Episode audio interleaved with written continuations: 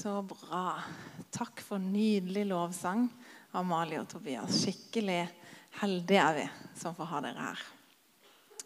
Hvis det er noen som ikke kjenner meg, så heter jeg Silje Kristiane Kristiansen. Og jeg jobber her i Østsida frikirke. Og denne høsten så skal vi ha egentlig litt sånn tematikk på nærmere.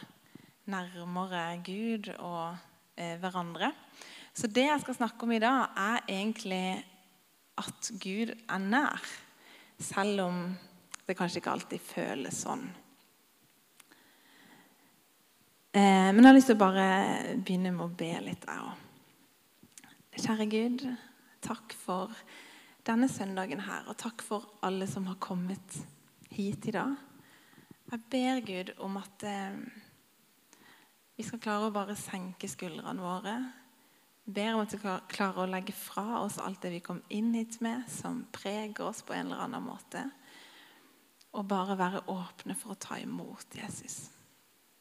Det du vil si oss, og det du vil gjøre i oss. Takk for at du er her. Takk, Hellige Ånd, for at du er her. Må du bare gjøre ditt verk i oss. Ja. Så når jeg nå skal snakke om nærmere, så har jeg lyst til å begynne litt i motsatt ende. Eh, for mange ganger så kan Gud føles fjern og langt borte. Så vi skal begynne med å bare høre litt av en sang. Så kan du spille den. Hvorfor føles du så fjern? noen ganger når jeg vet du er nær. Hva er dine tanker nå?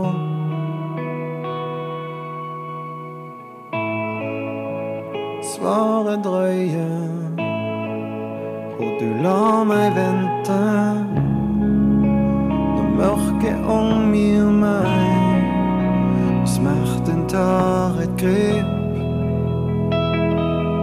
Om mitt liv.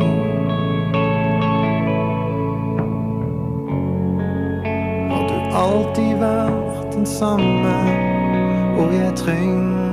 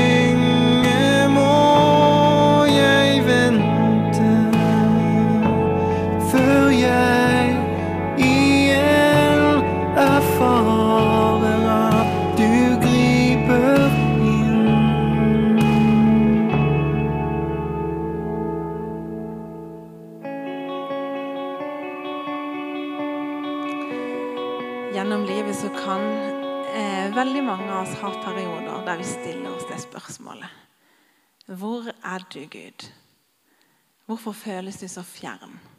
Hvor er du i mitt liv?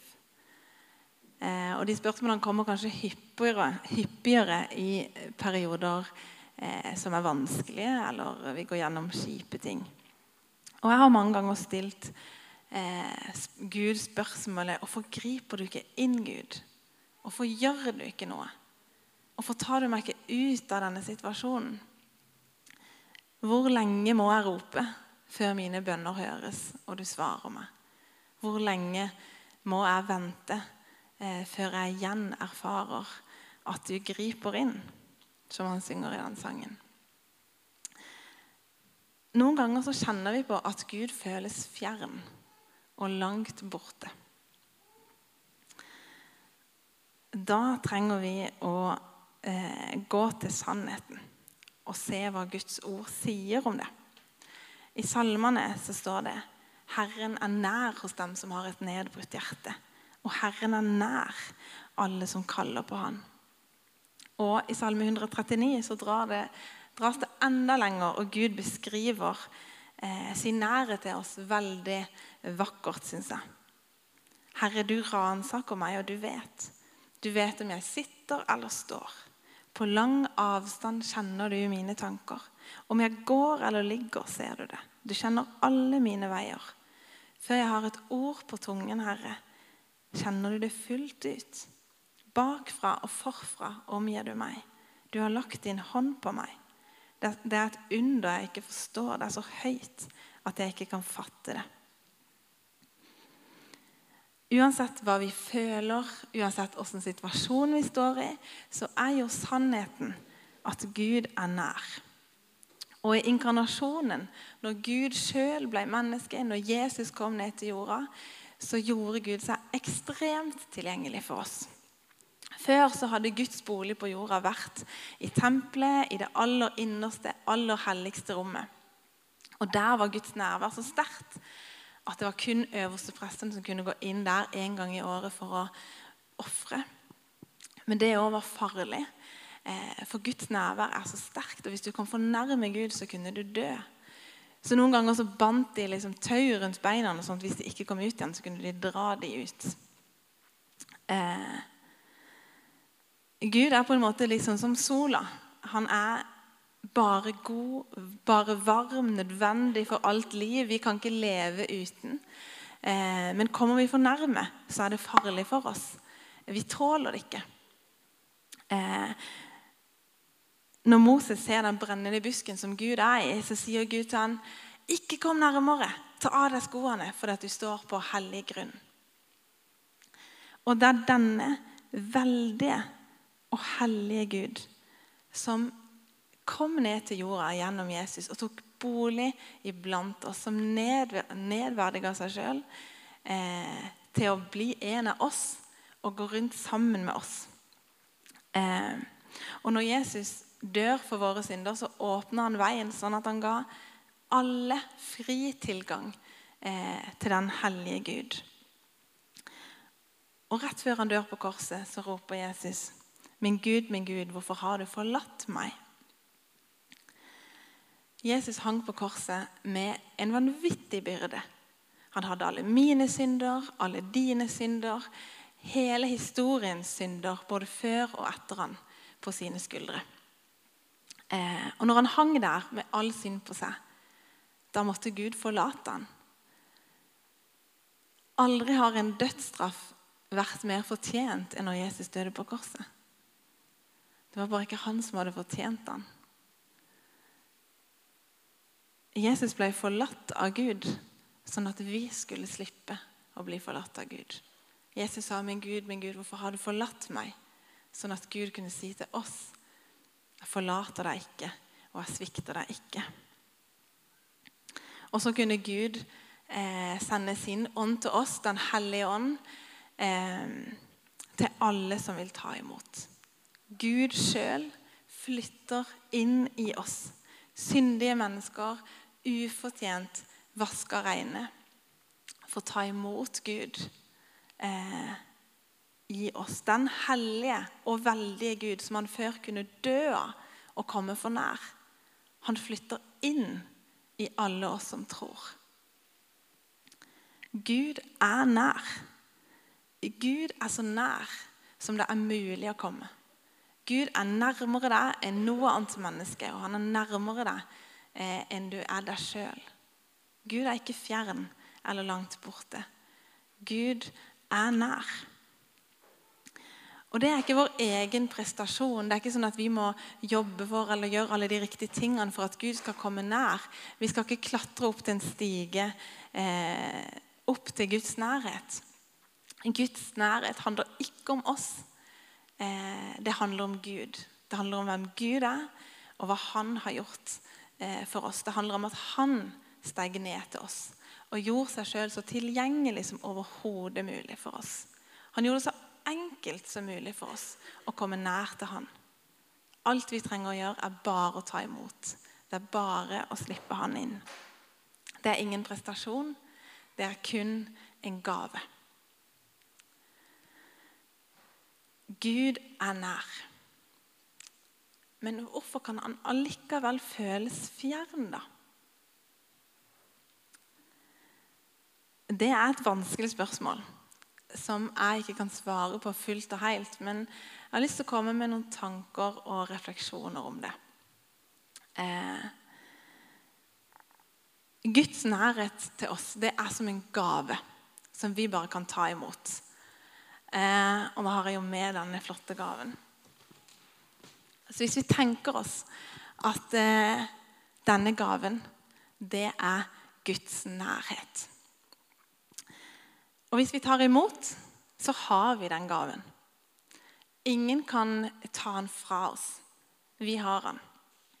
Eh, men hvis vi skal få erfare og oppleve den gaven fullt ut, så kan vi ikke bare sitte med den i hånda. Vi må åpne den. Gaven må åpnes for å kunne erfares. Hvis du bare sitter med den i hånda, så kan det godt være at innholdet kjennes litt fjernt. Ehm, men hver dag så har du mulighet til å åpne den, og du har mulighet til å erfare den. Eh, du åpner den når du snakker til Gud gjennom dagen, når du tar han med i det du gjør. Du åpner den når du er stille og alene sammen med Gud. Du åpner den når du åpner Bibelen din. Du åpner den når du er i fellesskap sammen med andre kristne. Du åpner den når du er i tjeneste for Gud, når du lar Han bruke deg. Det er mange måter å åpne gaven på. Men hvis du ikke åpner den, så kan det være at innholdet kjennes litt fjernt.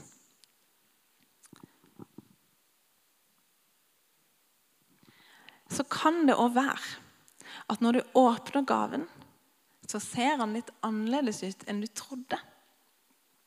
Du trodde kanskje at han skulle utløse en spesiell følelse at han skulle fri deg fra en situasjon, at han skulle besvare eh, alle bønnene dine. Og Noen ganger så ser gaven sånn ut. Men dette er en gave som må åpnes hver dag. Og som kan se ulik ut dag for dag og sesong for sesong. Eh, og Noen ganger så kan Gud føles fjern fordi at gaven ikke så ut som du forventa. Noen ganger så føler man ikke noe. Noen ganger så skjer det ingen endring i omgivelsene våre. Noen ganger så blir ikke bønnene våre besvart sånn som vi håper, eller når vi håper. Men det betyr ikke at Gud ikke er der, eller at du ikke lenger har gaven. Det betyr bare at gaven så annerledes ut enn du forventa og kanskje håpte. Eh, Guds nærhet og omsorg for oss kan se annerledes ut enn vi tror. Hvorfor det?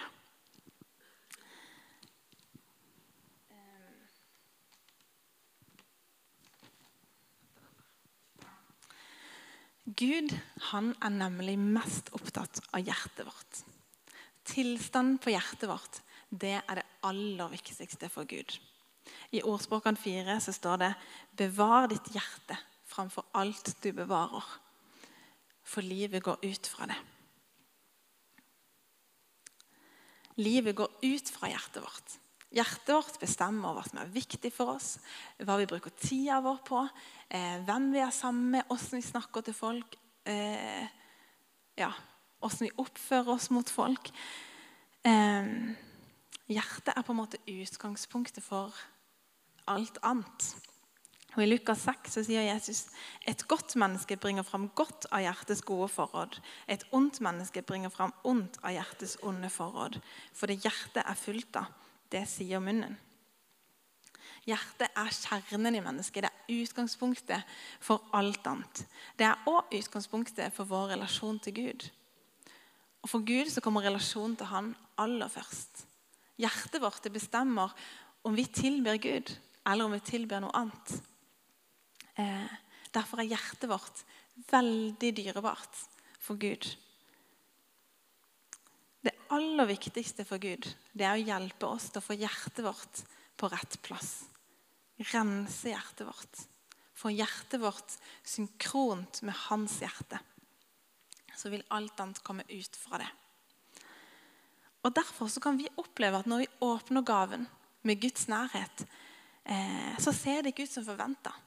Ting endrer seg ikke. Bønner blir ikke besvart. Gud redder oss ikke ut av situasjoner. For veldig ofte så vil Gud gjøre noe i oss før han gjør noe for oss. Veldig ofte så vil Gud gjøre noe i hjertet vårt før han gjør noe for oss. Noen ganger så trenger Gud å eh, forberede oss og ruste oss til det han skal gi oss og velsigne oss med. For hvis vi har alt det vi ønsker oss, så har vi en tendens til å glemme Gud litt. Vi legger Gud litt på hylla. Eh, vi har det så fint at vi vi, ikke, vi har ikke noe behov for å be. Vi har ikke noe lengsel etter mer av Gud. Vi kjenner oss ikke avhengig av Gud. Vi har det veldig fint sånn som vi har det, og så er det helt topp at Gud kan, kan være der som en liten plass eh, i livet vårt som vi kan ta litt fram eh, når vi trenger det. Eh, kanskje hver søndag formiddag eller på noen andre tidspunkt. Men det er veldig typisk mennesker at når livet går på skinner, når du har alt du ønsker deg, eh, da får Gud veldig liten plass. Og Det ser vi eksempler på gjennom hele Gamle testamentet. Og Gud han lot israelfolket gå gjennom ørkenen i 40 år for at de skulle være rusta til å ta imot den velsignelsen han hadde for dem, eh, og likevel holde seg til han.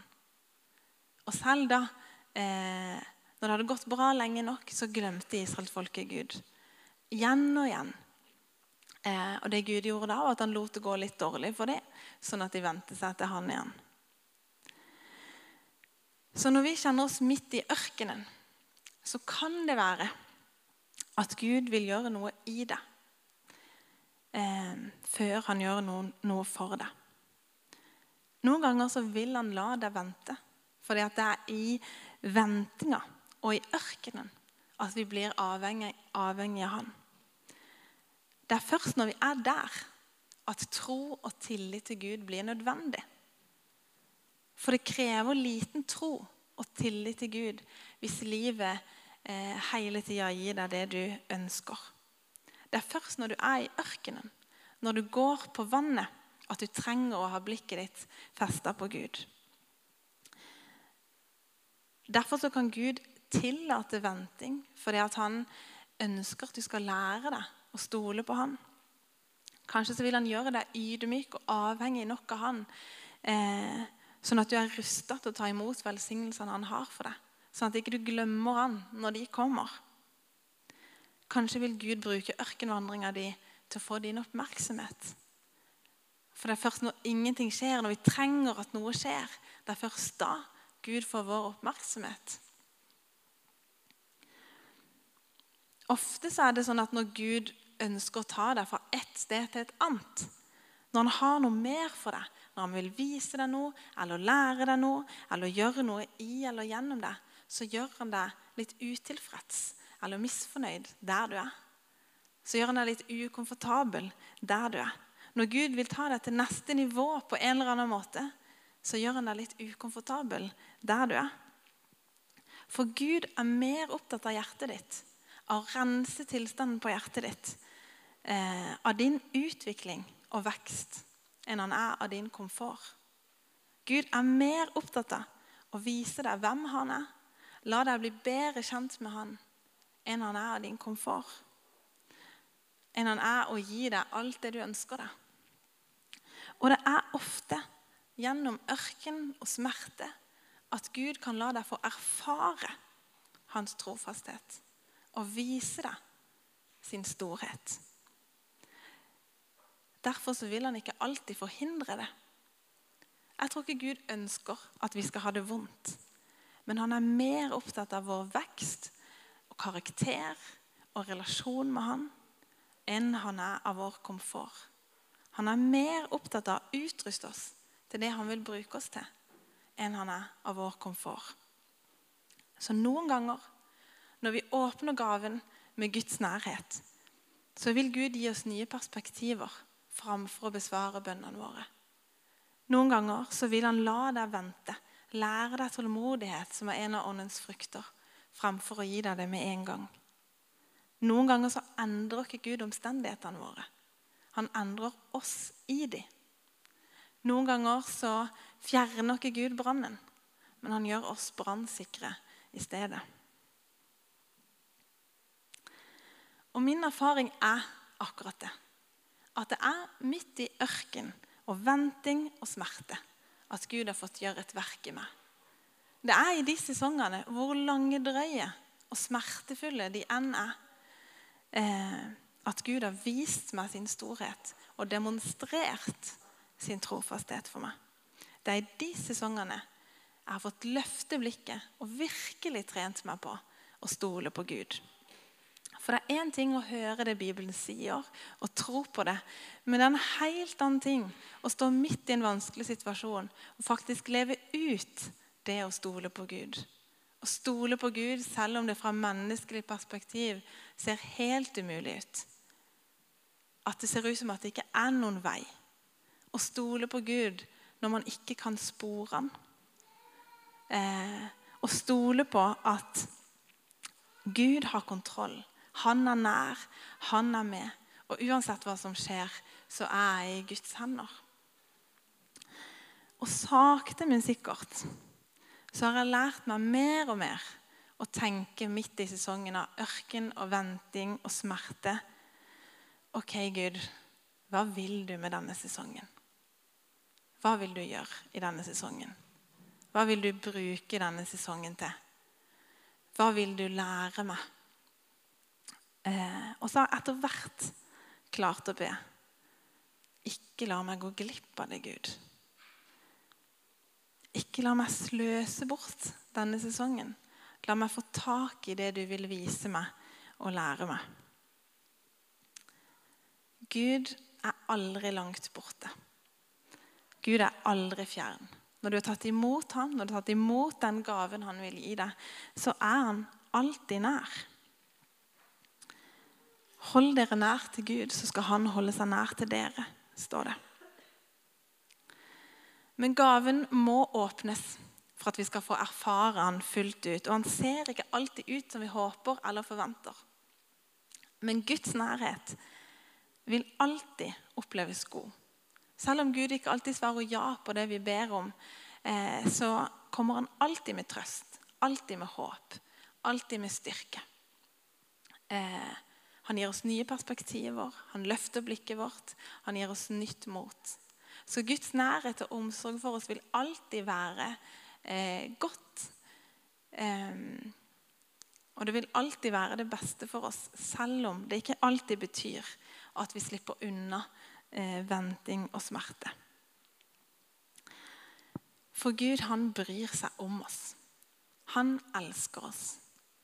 Gud han er kjærlighet, og han vil ikke noe vondt for oss. Han har kun gode tanker for oss. Men han elsker oss også for høyt til å la oss bli der vi er. Han har alltid mer for oss. Han vil at vi skal vokse. Han vil at vi skal bære frukt. Når Jesus forteller lignelsen om såmannen, så sier han om det kornet som falt i god jord. Det skjøt opp og vokste og bar frukt. 30, 60, ja 100 ganger det som ble sådd. Gud ønsker at vi skal bære frukt. Mye frukt. Og I lignelsen om vintreet så sier Jesus også noe om åssen det skjer. Eh, jeg er det sanne vintreet, og min far er vinbonden. Hver grein på meg som ikke bærer frukt, tar han bort. Og hver grein som bærer frukt, renser han, så han skal bære mer.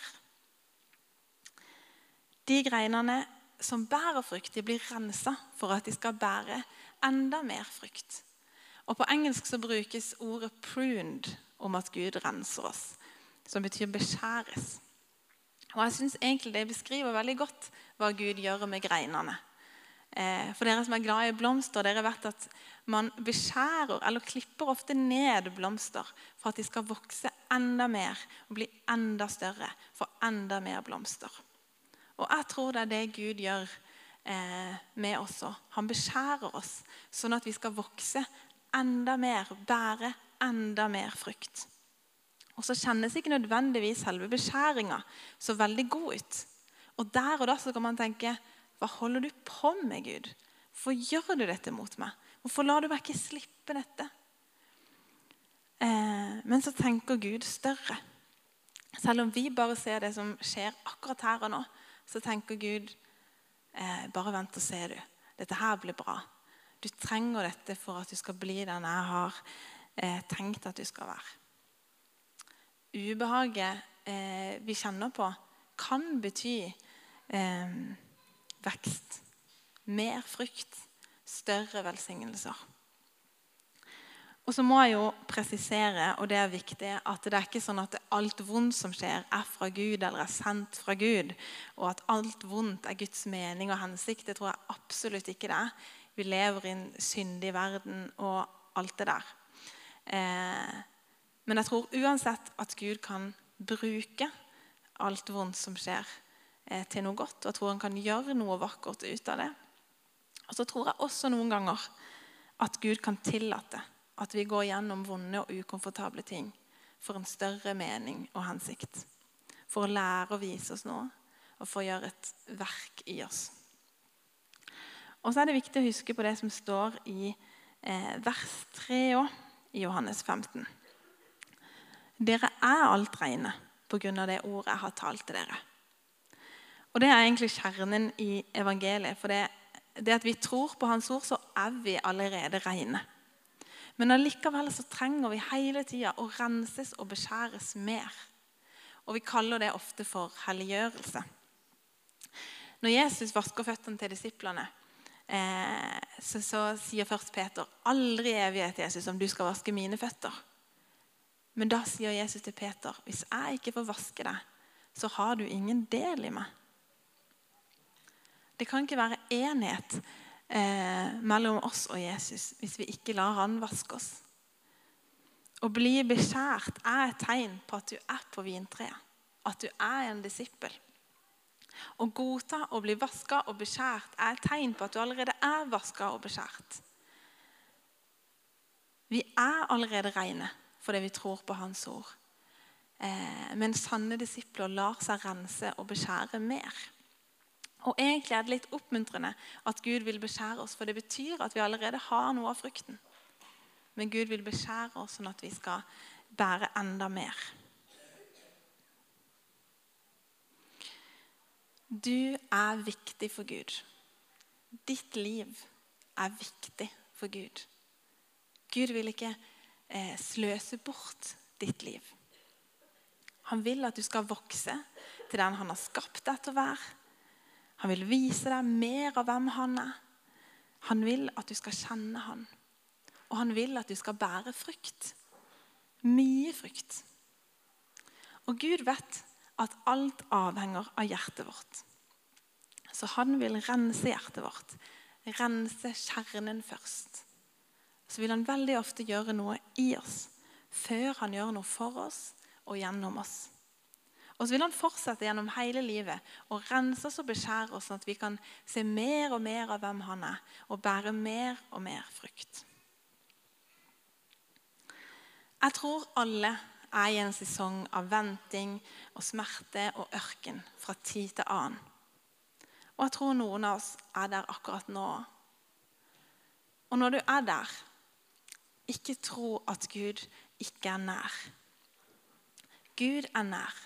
Men hans nærhet kan vise seg på mange ulike måter.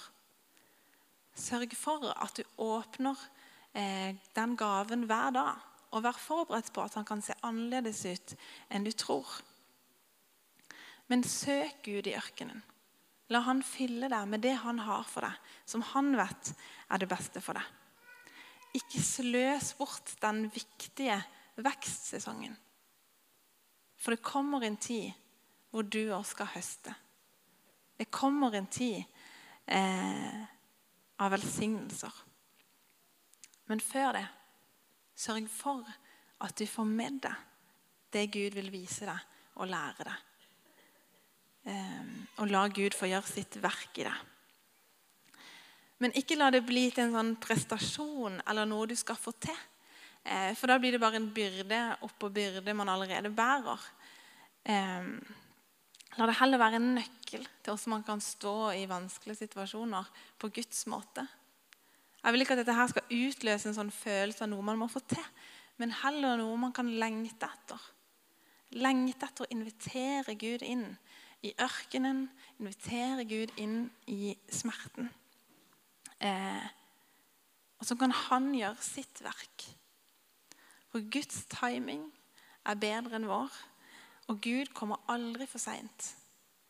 Og når Gud eh, får gjøre ting på sin måte og til rett tid, da er det ingenting som eh, blir bedre. Jeg kommer til å eh, gå bak oss nå der etterpå, og sammen med noen andre forbedrere så har jeg veldig lyst til å være med og be for dere som ønsker det. Kanskje er det noen som sitter her og kjenner at det, Gud føles fjern og langt borte. Kanskje, eh, kanskje har du aldri invitert Gud inn i livet ditt. Eller kanskje har du gjort det, men det er lenge siden, og du har vært litt sånn ut på viddene og kjenner at eh, Nei, jeg trenger å gjøre det en gang til. Eller kanskje så sitter du her og eh, kjenner at du er midt i denne sesongen nå. Ørkensesongen. Venting eller smerte. Til deg så tror jeg Gud sier Jeg ser deg. Jeg ser deg der du er nå. Jeg ser situasjonen din, smerten din, utålmodigheten din. Jeg ser uroen din. Jeg ser kavinga di. Og jeg tror han sier, 'Stol på meg'. Stol på meg. Jeg har det. Stol på min timing. Stol på mitt verk i ditt liv. Min plan er større enn din og bedre enn din. Kom til meg. Kom til meg, du som strever og bærer, tung, bærer tunge byrder, så vil jeg gi deg hvile. Det er sant. Han vil det. Stol på meg, tror jeg Gud sier. Og Hvis du ønsker å bli bedt for, eller at jeg skal være med og lytte til deg inni din situasjon, så kom gjerne bak eh, etterpå. Og så skal vi fortsette litt i lovsang, tror jeg. Så kan dere komme, ut, komme opp. Takk, Gud, for din godhet. Takk for at du bare er god, for at du bare vil oss det beste. Takk, Gud, for at du ser hvert menneske i denne salen. Du ser hver situasjon. Jeg ber, jeg ber på hvert eneste menneske her inne, Gud, at de skal klare å slippe deg inn i det de står i. At de skal klare å åpne den gaven som du har, sånn at de kan få erfare mer av det. Så ber jeg Gud om at du skal ta oss til neste nivå. Jeg ber om at vi ikke skal bli for komfortable der vi er, men at vi hele tida skal la deg ta oss til neste nivå. Takk for at du alltid har mer, Gud. Takk for at du alltid har mer å vise oss. Og mer av det vi kan bli kjent med. Amen.